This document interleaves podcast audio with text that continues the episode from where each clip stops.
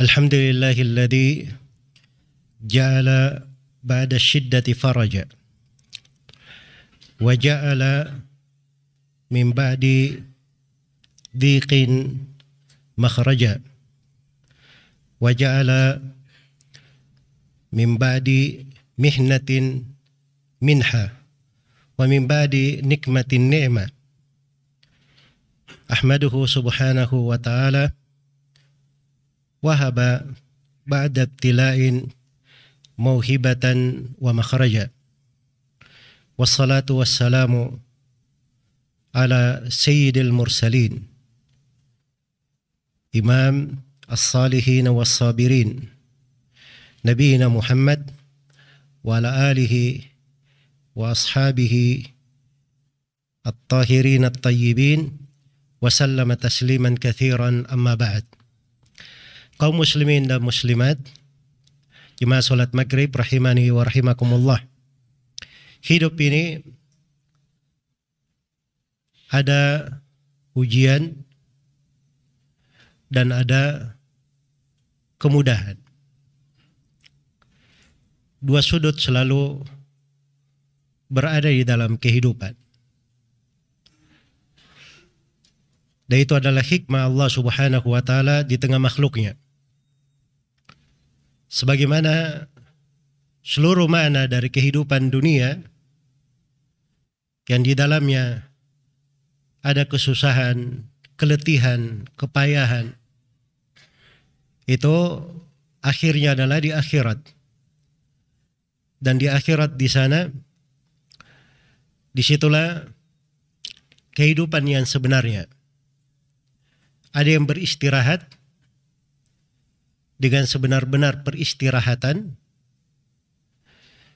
Dan ada yang justru sebaliknya. Karena itu memang tidak setiap orang yang meninggal dia beristirahat dengan kematian. Laisa kullu man mata istiraha bimayyitin. Tidak setiap orang yang meninggal itu dia beristirahat dengan kematian. Tapi raha peristirahatan yang sebenarnya ketika ditanyakan kepada Imam Ahmad rahimahullahu taala dan dilihat bagaimana kesungguhan beliau di dalam beramal maka ditanyakan kepada beliau sampai kapan seperti ini? Kata beliau ini akan terus berlanjut hingga kaki kita sudah menginjak sorga Allah Subhanahu wa taala. Itulah tempat peristirahatan. Jadi dunia ini ada kesusahan, kepayahan. Itu syiddah sebenarnya.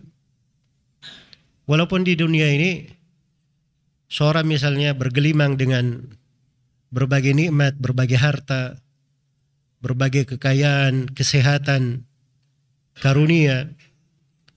Tapi kalau dihitung dengan kehidupan akhirat itu tidak ada apa-apanya. Makanya di antara mereka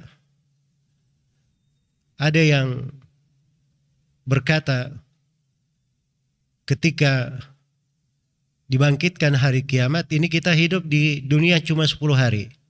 Maka orang yang paling banyak nikmat yang dia dapatkan ia menyangkal hal, ter, hal tersebut. Dia berkata, Illa bithum illa yawma. Bahkan kalian hanya hidup di dunia cuma sehari. Cuma sehari saja.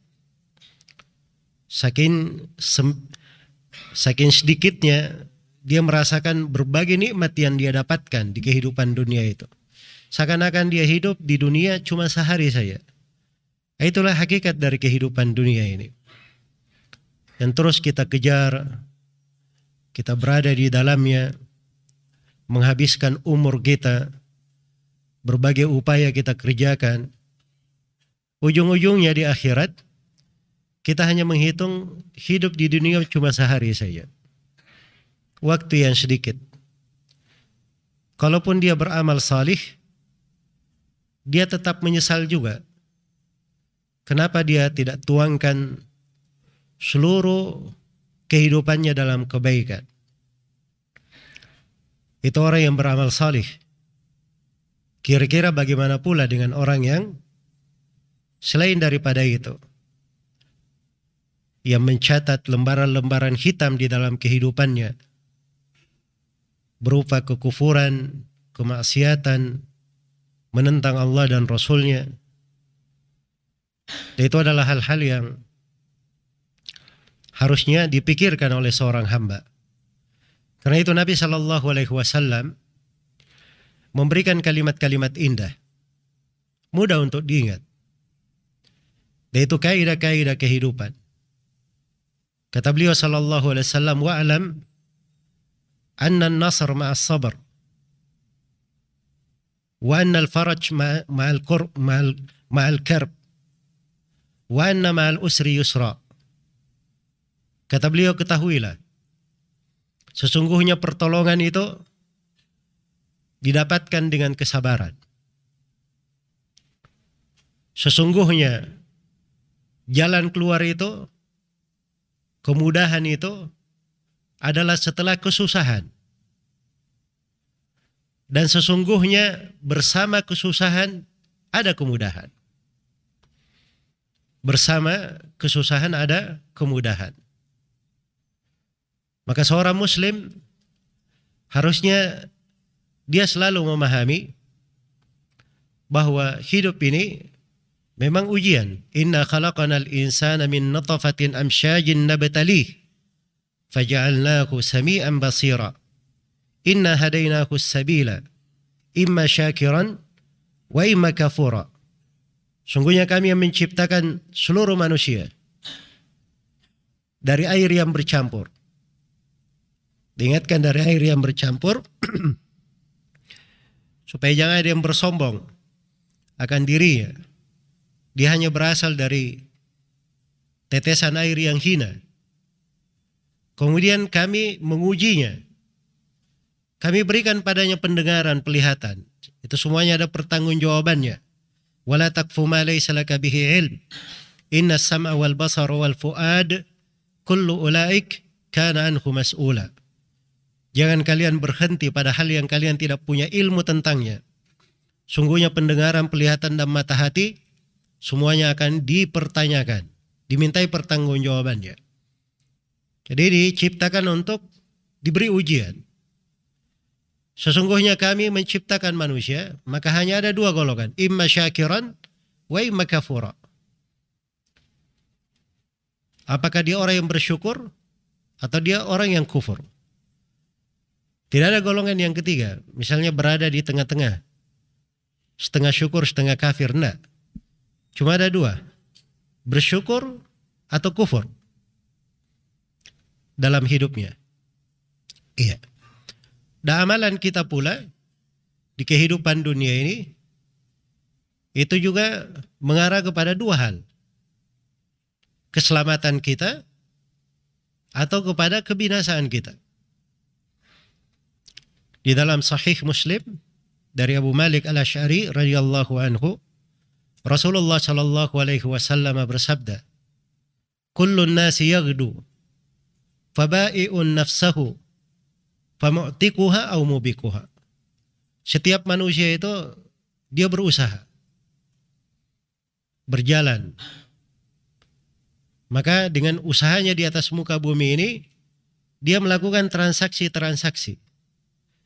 Ada yang membebaskan dirinya dari api neraka dengan transaksinya, perbuatannya. Dan ada yang justru menghancurkan dirinya ke dalam neraka. Karena itu tidak ada golongan yang ketiga. Liman sya'a minkum ayyataqaddam aw yata'akhir. Bagi siapa kalian yang ingin maju ke depan atau mundur ke belakang. Hidup itu cuma dua. Tidak ada istilah dia di jalan tempat. Sebab jalan tempat itu ada hitungannya. Jalan tempat untuk apa? Untuk maju atau untuk mundur? Yang hanya dihitung maju ke depan atau mundur ke belakang. Jadi kalau makna-makna ini tidak kita perhatikan di dalam kehidupan kita, ini akan membawa banyak masalah untuk kita di dalam kehidupan.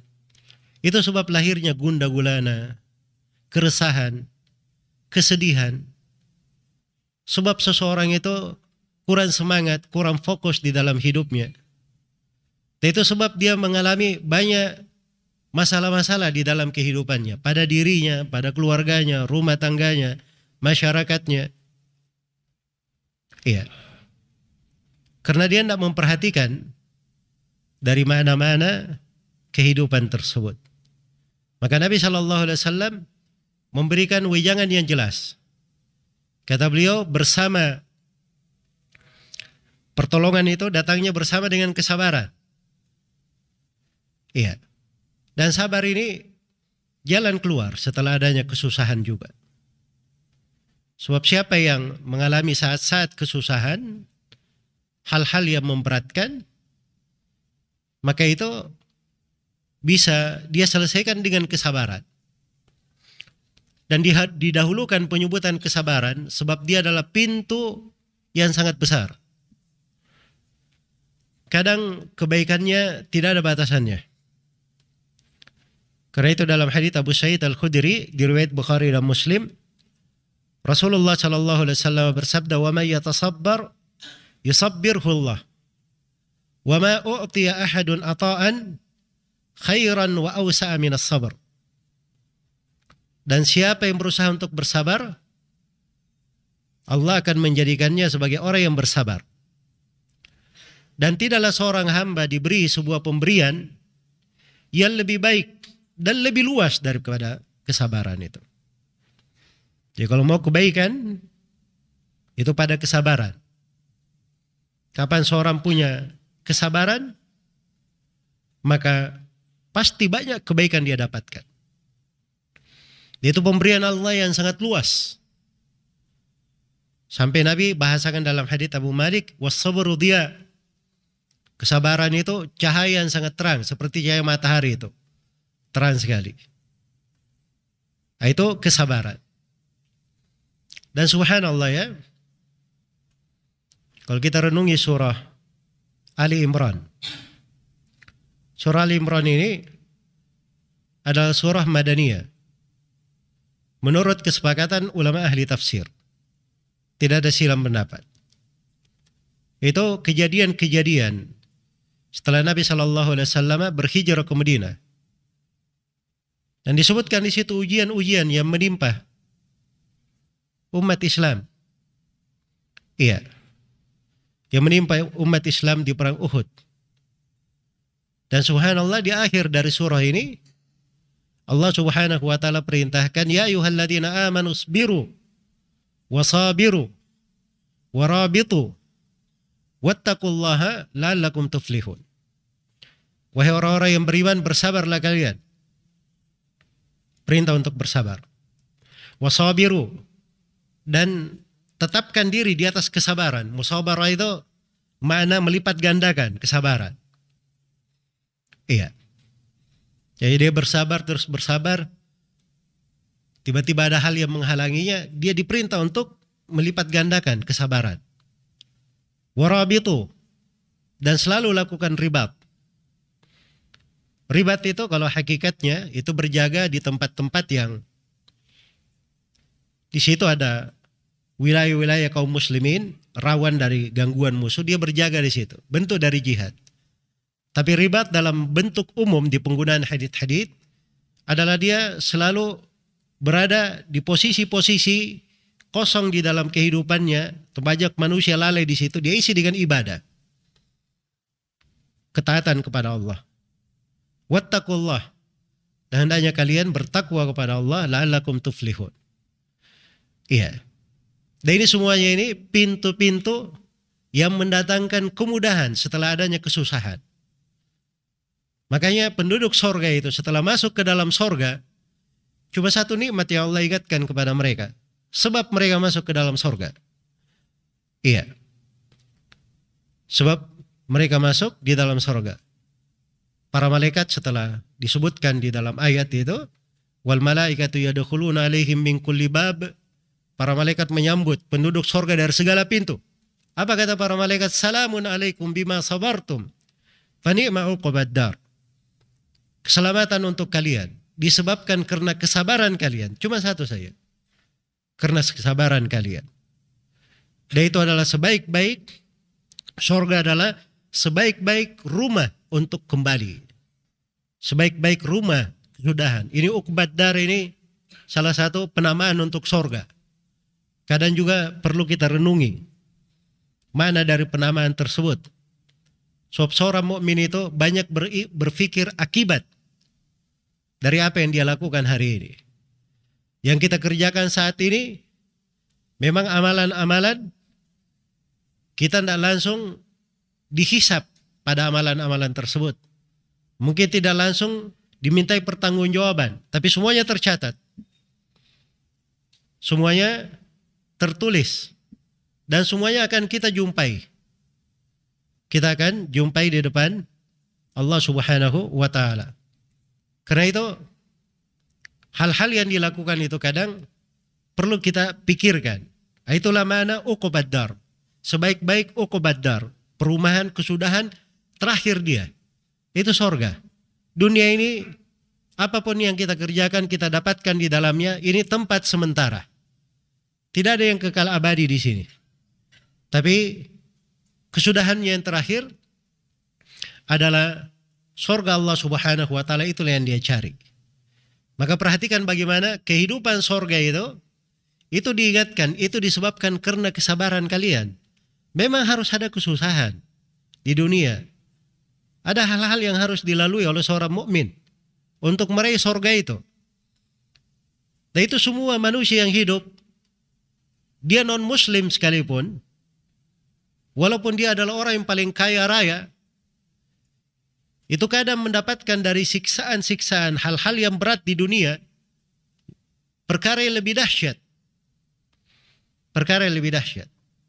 Iya, karena itu jangan menyangka bahwa orang-orang yang kafir punya bergeliman dengan harta, dengan berbagai kenikmatan dunia, jangan menyangka bahwa mereka memiliki dari sebuah kenikmatan yang hakiki.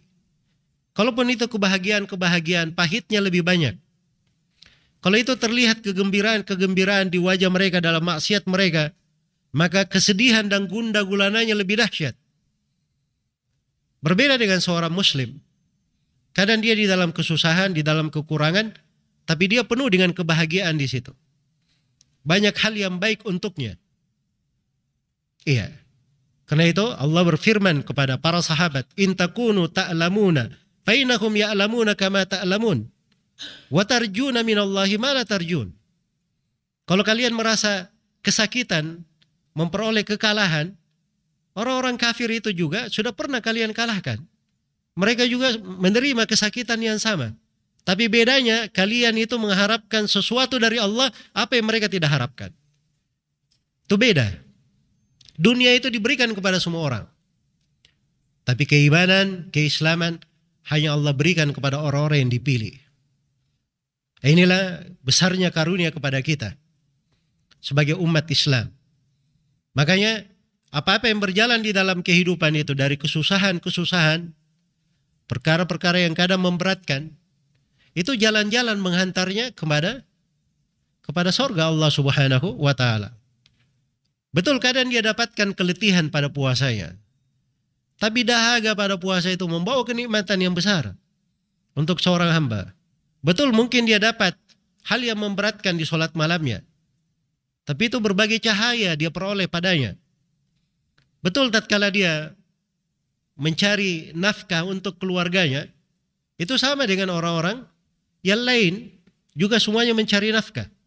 Tapi dia di dalam mencari nafkahnya ada bentuk dia memikirkan kewajiban Allah yang Allah wajibkan atas dirinya terhadap keluarganya. Dia juga memikirkan hal yang lain dari sudut keutamaan seorang itu mandiri, tangannya di atas, tidak suka tangan di bawah. Itu dari mana-mana yang agung, membawa kebahagiaan di kehidupan seorang muslim. Dan mana-mana ini kalau tidak melekat pada kita, maka itu akan membawa di dalam kehidupan berbagai kekacauan, kadang permusuhan, kedengkian terhadap manusia. Tetapi kalau kita selalu mengingat, mengaitkannya kepada hal-hal yang dituntunkan oleh Allah dan Rasulnya, perkara-perkara yang dicintai oleh Allah dan Rasulnya, nah, di situlah letak kebaikan. Iya, dan itu semuanya perlu kesabaran. Karena itu sorga itu adalah didapatkan karena kesabaran, buah dari kesabaran. Di dalam sebuah hadis Rasulullah sallallahu alaihi wasallam pernah bersabda, "Ad-dunya sijnul mu'min wa jannatul kafir." Di riwayat Muslim. Dunia itu adalah penjara seorang mukmin dan sorga bagi orang kafir. Maka ini hadis yang agung ya, pegangan. Dan dari suatu hal yang uh, unik ya, Al-Hafidh Ibn Hajar rahimahullahu taala itu pernah menceritakan atau disebutkan tentang Al-Hafidh Ibnu Hajar bahwa beliau pernah berjalan di atas kendaraan dengan pakaian yang bagus.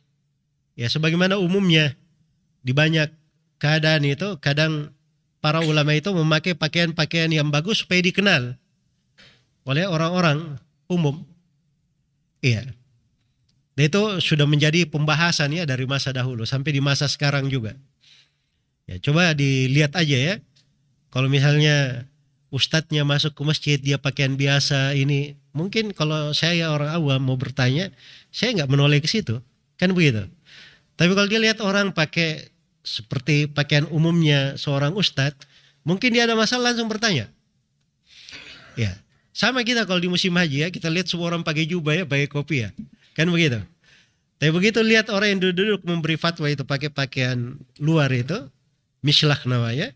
Nah, ini baru tahu kita, ini orang yang memang alim duduk khusus untuk itu. Nah, itu kan tanda itu. Ya, dan itu ada pembahasannya. Jadi Al-Hafidh Ibnu Hajar ini keluar dengan pakaian yang bagus. Iya. Dan banyak dari ulama seperti itu bukan karena mereka cinta apa namanya bermegahan pada dunia. Tapi mereka menganggap itu pengagungan terhadap ilmu yang mereka bawa. Ilmu yang mereka sandang. Supaya orang-orang menghormati ilmu itu. Maka dihadang oleh seorang kafir. Dia berkata, wahai Ibnu Hajar, ada hadis dari Nabi kalian bahwa Nabi kalian berkata, "Ad-dunya sijnul mu'min wa jannatul kafir." Dunia itu penjara seorang mukmin dan surganya orang kafir. Kata Ibnu Hajar, ya benar. Itu hadis Nabi kami, Nabi Muhammad sallallahu alaihi wasallam. Kata orang kafir ini gimana bisa? Saya ini sekarang miskin. Fakir, pakaian saya compang camping. Dunia ini penjara bagi saya. Sedangkan kamu penuh dengan kenikmatan. Lebih bagus keadaannya kamu berkendaraan. Kok bisa? Ya kata Ibnu Hajar rahimahullah kalimat ya apa namanya mudah dipahami dan membuat orang ini terbungkam. Baru dia paham mana hakikat dari hadis itu. Kata Ibnu Hajar, kamu sekarang dengan segala hal yang kamu rasakan di dunia ini, itu kalau bandingkan dengan akhirat, itu adalah sorga kamu. Adalah sorga kamu. Ya. Sebab penderitaan yang dialami di sini, di dunia, itu tidak ada apa-apanya kalau dia dapatkan penderitaan di mana? Di akhirat.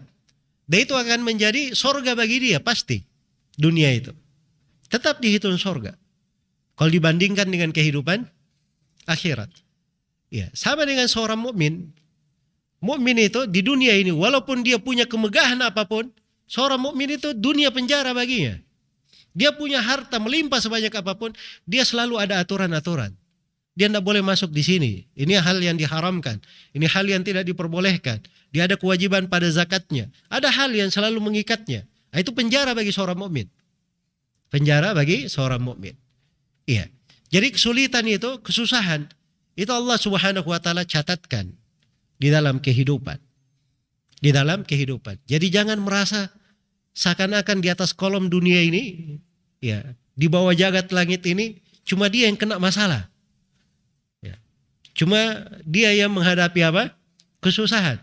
Tidak itu memang ketentuan Allah di tengah manusia. Hanya saja itu yang membedakan seorang mukmin pada tahapan-tahapan kehidupan kalaupun ada kesusahan dan kesulitan seorang mukmin itu mengharapkan pahala di situ. Mengharapkan hal-hal yang baik dari sisi Allah Subhanahu wa taala. Itu yang membedakannya. Dan inilah yang perlu kita pahami. Kemudian pada kalimat yang kedua kata Nabi sallallahu alaihi wasallam wa annal faraj wa anna syiddata ma'al faraj atau wa annal faraj ma'al syiddah. Ketahuilah bahwa jalan keluar itu itu setelah adanya kesusahan.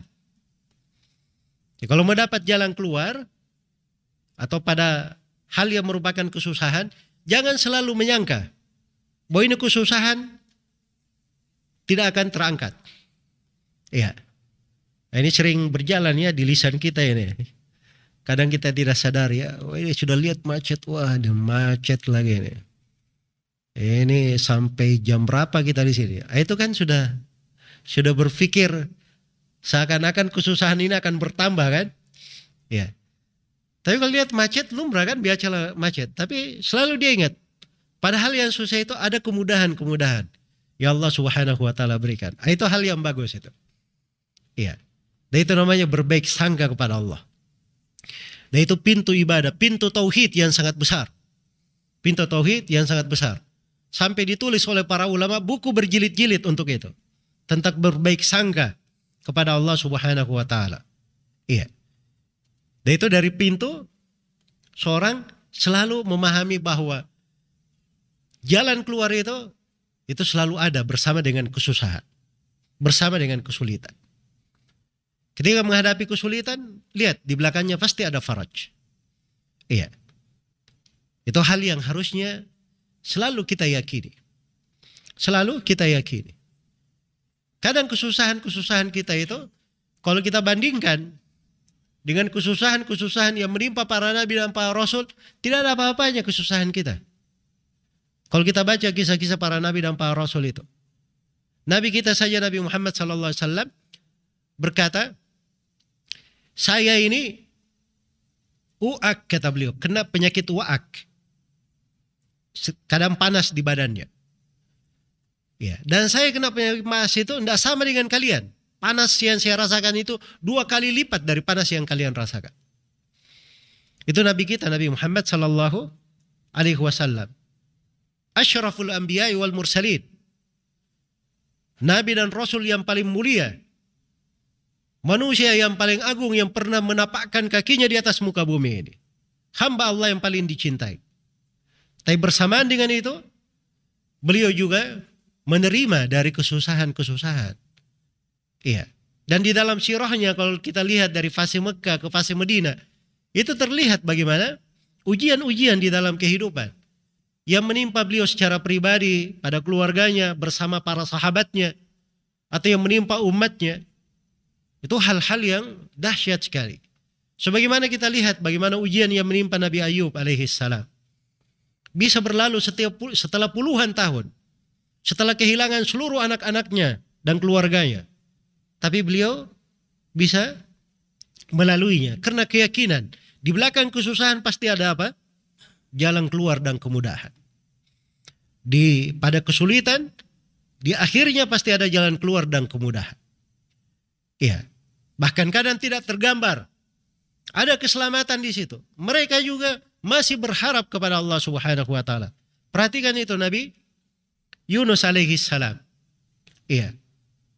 Nabi Yunus alaihi salam. Itu disebut panada fil dhulumat. Beliau berdoa di dalam kegelapan di atas kegelapan. Bisa dibayangkan ya, beliau ditelan oleh ikan yang sangat besar sekali. Iya. Al-hut kalau bahasa Arabnya ya. Orang kadang menerjemahkannya ikan paus apa dan sebagainya. Yang jelas ini ikan yang sangat besar. Hidupnya itu bukan di atas bukan di permukaan laut atau di pertengahan, tapi di lautan yang sangat dalam. Lautan yang sangat dalam itu sangat gelap. Iya. Sangat gelap. Laut itu sendiri kadang ada apa namanya? terang di atas yang di permukaan, gelap, kemudian terang lagi, kadang gelap lagi. Kegelapan di atas kegelapan namanya. Belum lagi di dalam perut ikan, di dalam kegelapan. Bersamaan dengan itu semua, tidak terputus harapannya kepada Allah Subhanahu wa taala. Walaula annahu kana minal musabbihin lalabitha fi batnihi ila yaumi yub'atsun. Andai kata Nabi Yunus ini bukan orang yang banyak bertasbih kepada Allah, maka beliau akan tinggal di perut ikan itu sampai hari kiamat. Akan berada di perut ikan itu sampai hari kiamat. Subhanallah. Yang menyelamatkannya adalah bertasbih. Sebagian ulama ahli tafsir menafsirkan tasbih itu artinya dia banyak melakukan salat kepada Allah Subhanahu wa taala. Sebagian ulama menafsirkan tasbih itu yaitu ucapan beliau fanada fil dhulumati alla ilaha illa anta subhanak inni kuntu minadh dhalimin. Beliau berdoa di tengah kegelapan. La ilaha illa anta subhanaka inni kuntu minadh dhalimin. Ya, itu doanya Nabi Nabi Yunus alaihi salam. Dan doa ini sudah diterangkan oleh Nabi kita Nabi Muhammad sallallahu alaihi wasallam tidak ada seorang muslim pun yang ditimpa kesusahan. Dia berdoa dengan doa ini. La ilaha illa anta subhanaka inni kuntu minadh dhalimin. Kecuali Allah akan bukakan untuknya jalan keluar. Iya. Karena itu dari harapan seorang mukmin itu, seorang mukmin yang bagus harapannya, dia tahu bahwa setelah kesusahan ada kemudahan, dia punya doa-doa. Kan Nabi mengajarkan doa-doa ya dalam kesulitan. Apalagi kalau seorang sedang menghadapi bahaya. Itu diajarkan oleh Nabi Shallallahu Alaihi Wasallam. Paling sedikit antum menghafal empat doa. Paling sedikit. Mau yang mana? Mau pendek atau yang panjang? Yang pendek-pendek itu tadi. Subhan, la ilaha illa anta subhanaka ini kuntu minad dhalimin. Atau doa Asma bin Umais yang diajarkan oleh Nabi Shallallahu Alaihi Wasallam. Allahu Allahu Rabbi la ilaha illa anta. Apa Allahu Allahu Rabbi la usyriku bihi syai'a. Itu mudah kan? Coba diulangi. Allahu Allahu Rabbi la usyriku bihi syai'a. Nah, itu doa kesusahan juga. Iya. Atau doa yang diajarkan oleh Nabi melalui hadits Ibnu Abbas di riwayat Bukhari dan Muslim. La ilaha illallahul azimul halim La ilaha illallah rabbul arshil azim. La ilaha illallah rabbus samawati wa rabbil ard wa rabbul ard wa rabbul arshil karim. Iya. Itu yang ketiga. Atau yang keempat, dari doa yang diajarkan oleh Nabi Shallallahu Alaihi Wasallam, ini mirip ya dengan lafaz doa pagi sore ya. Allahumma rahmataka arju, fala takilni ila nafsi tarfata ain aslih li sya'ni kullah la ilaha illa anta. Nah, ini empat doa. Orang yang kesusahan apa pun, ya selalu dia baca doa tersebut dalam kehidupannya. Dan ini empat doa ini luar biasa ya. Ya, kalau kita terangkan empat hari empat malam belum tentu kita apa namanya bisa menggali kandungan dari empat doa ini. Ini pembahasan-pembahasan tauhid dan nilai-nilai pemurnian ibadah di dalamnya luar biasa, menunjukkan kekuatan hati, ketergantungan hati kepada Allah Subhanahu wa taala. Iya. Karena itu harus diketahui bahwa al-farj itu datang bersama dengan syiddah. Namanya juga jalan keluar. Kan jalan keluar dari apa? Ada kesusahan dulu baru ada jalan jalan keluarnya. Nah, itu memang Allah Subhanahu wa taala tentukan. Kemudian terakhir kata Nabi sallallahu alaihi wasallam, "Wa anna ma'al usri yusra." Sesungguhnya bersama dengan kesusahan itu ada kemudahan. Iya. Dan itu di ayat Al-Qur'an ditegaskan, "Fa inna usri yusra, inna usri yusra." Sungguhnya bersama dengan kesusahan ada kemudahan. Bersama dengan kesusahan ada kemudahan. Dari sisi ilmu bahasa di ayat ini, kata para ulama, ini ayat mirip kayak berulang ya. Kayak berulang. Ya. Penegasan. Tapi kalau kita lihat ya, al-usr itu pakai alif lam. Yusron itu tidak pakai alif lam. Iya. Karena itu al-usr kalau dipakai alif lam itu biasanya dua hal yang tertentu, berbeda. Dua hal tertentu. Tapi yusra itu umum, masuk. Makanya kata sebagian ulama dari ayat ini, ini disebut dari sejumlah sahabat, disebutkan oleh banyak ahli tafsir, Allah sebutkan dua kemudahan. Ya. Apa namanya Allah Subhanahu wa taala sebutkan pada setiap kesusahan ada dua kemudahan. Afwan, tadi al-usr ya pakai alif lam. Alif lamnya itu ketika ada alif lam itu untuk sesuatu yang sudah jelas. Ya, sesuatu yang sudah jelas. Tapi yusra, yusra itu umum. Ya makanya kata para ulama tidak mungkin satu kemudahan ini uh, tidak mungkin satu kesusahan ini mengalahkan dua kemudahan. Karena bersama kesusahan ada kemudahan. Terus bersama kesusahan sama-sama pakai alif ada kemudahan. Kemudahannya ini datang dalam bentuk nakira. Dia mungkin berbeda dengan yang pertama. Ya. Jadi kesusahan itu tidak mungkin satu kesusahan tidak mungkin bisa mengalahkan dua dari apa? Dua dari kemudahan. Makanya itu subhanallah. Ini kaidah besar ya. Kalau kita terapkan dalam kehidupan kita, itu luar biasa.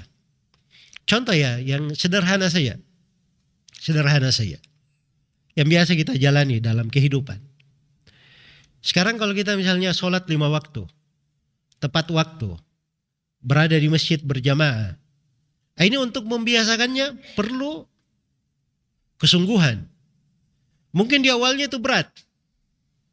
Apalagi kalau musim hujan, apalagi kalau di daerah dingin. Ya kita alhamdulillah ya nggak mengalami situasi-situasi itu. Apalagi kalau di musim panas, ya panas yang sangat panas ya. Dan ini juga dari nikmat Allah ya di kita di Indonesia ini panasnya ya kalau dibandingkan dengan tempat yang memang panas tidak ada apa-apanya ya. Kita mungkin di hari-hari panas biasa 33 derajat mungkin, 36 lah. Ada sebagian tempat itu malam harinya saja di musim panas itu 45 derajat, itu malam harinya. Ya. Di siang harinya kayak gimana? Ada sebagian yang mencapai lebih daripada itu. Taruh telur di jalan itu bisa matang telur ya. Jadi maksudnya nikmat itu banyak. Nikmat itu banyak. Jadi untuk sampai kepada hal yang sulit, kita perlu membiasakan. Perlu membiasakan. Kadang di awal membiasakannya itu terasa berat, berat. Tapi begitu sudah terbiasa, Allah mudahkan. Allah mudahkan. Sama tadi dengan sabar itu. Makanya bahasa Nabi itu, wa may yatasabbar yusabbirullah. Ya, ini kalau tata bahasa Arab ya, yatasabbar itu itu uh, fi'il mengandung makna mutawa, dia membebani dirinya untuk bersabar banyak sekali. Dia betul-betul bersabar. Siapa yang berusaha melatih dirinya bersabar, Allah akan menjadikannya sebagai orang yang bersabar. Diringankan baginya bersabar itu. Kan diringankan. Ya, sama kalau belajar menuntut ilmu. Seperti itu. Orang awal belajar menuntut ilmu, ya dia perlu perhatian, perlu fokus, ya. Dia perlu memberi waktu, perlu banyak berdoa kepada Allah Subhanahu wa taala supaya ilmu itu dimudahkan untuknya. Dia sambil mendengar banyak beristighfar supaya dosa-dosanya itu berjatuhan agar supaya ilmu itu gampang masuk ke dalam hatinya. Itu kan perlu usaha-usaha. Tapi seorang kalau sudah terbiasa dengan sholat dan menuntut ilmu, wah itu luar biasa kalau dia sudah terbiasa. Iya. Kalau sudah terdengar adan dia tidak pergi itu kegelisahan besar pada dirinya. Begitu dia semakin dekat dengannya, maka mungkin belum masuk waktu sholat dia sudah rindu untuk melakukan sholat itu. Sudah nunggu kapan sholat ini dikerjakan. Iya. Nah, itu kan tingkatan-tingkatan yang mengarahkan ke sana. Sama dengan orang yang belajar dan menuntut ilmu. Di kadar tertentu, itu bisa sampai seperti seorang alim. Ya, disebutkan dari murid uh, Abu Hanifah rahimahullah taala Muhammad bin Yusuf Abu Yakub. Beliau ini di hari beliau wafat meninggal dikunjungi oleh orang ahli fikih. Ya, beliau dalam keadaan sakaratul maut ini. Kemudian beliau bertanya kepada orang yang datang, apa pendapat kamu tentang melempar jamrah? Ini musim haji ya. Ini pertanyaan fikih. Afdolnya apa? Berjalan kaki atau berkendaraan? Waktu itu kan bisa berkendaraan naik unta ya atau naik kuda. Kalau sekarang kan nggak bisa. Ya. Baik, jangan kan berkendaraan bawa bawa apa namanya kemah saja bawa ransel nggak dibolehkan ya. Kata orang itu berjalan kali berjalan kaki lebih afdol. Kata Abu Yusuf, enggak, kamu keliru. Kalau begitu berkendara lebih afdal. Tapi Yusuf enggak, kamu keliru juga. Terus gimana yang benar ya? Nah, kata beliau, kalau melempar yang pertama dan kedua, afdolnya berjalan kaki. Sebab setelah pelemparan jamroh pertama, kan syariatnya berhenti berdoa kan? Kalau berkendaraan kan susah. Berjalan kaki lebih mudah berdoa. Nah, yang kedua juga begitu berdoa. Kalau ketiga kan gak ada berdoa lagi. Nah, itu afdolnya apa? Berkendaraan, lempar, setelah itu langsung jalan. Supaya jangan menghalangi orang terlambat melempar. Sampai yang seperti itu juga fikihnya itu ada mereka, masya Allah. Ya, begitu selesai orang tamu ini keluar, kata beliau, saya baru saja melewati pintu sudah terdengar suara orang yang mengerang seperti keluar ruhnya dari jasadnya. Dan yang dia tengok ke dalam, Abu Yusuf sudah meninggal. Rahimahullah. Nah, ini perhatikan ya, bagaimana ilmu itu ketika seseorang sudah terbiasa dengannya, menjadi pembawaannya itu menjadi saat-saat yang luar biasa di dalam kehidupan. Iya. Dan ini semuanya perlu kesabaran. Bersama dengan kesusahan itu ada kemudahan-kemudahan. Ya Allah Subhanahu wa taala berikan. Dan kita bersyukur kepada Allah. Ya, itu seorang mukmin ya, dia selalu memohon afiat. Ya, kata karena Nabi Shallallahu alaihi wasallam bersabda, La tatamannau liqa'al adu. Fas'alullah al-afiyah. Jangan kalian itu berharap ketemu musuh. Tapi mintalah kepada Allah afiat. Oh, jangan sok jago ya, nggak apa-apa. Kita hadapi musuh. Ayo musuh mana pun, saya siap untuk itu. Jangan berharap begitu. Tapi mohonlah kepada Allah afiat. Mohon diberi afiat. Sebab Allah subhanahu wa ta'ala mencintai hal tersebut. Ya, kita juga memohonnya. Minta kemudahan kepada Allah Subhanahu wa taala. Tapi kalau ada hal yang memang itu menjadi ujian kita menghadapinya, maka kita bersabar untuk hal itu. Dan yang terakhir, ini hadis di yang saya bacakan tadi bahwa an-nasr ma'as sabar wal farad ma'as syidda wa anna ma'al usri yusra. Ini potongan dari hadis Ibnu Abbas. Potongan dari hadis Ibnu Abbas.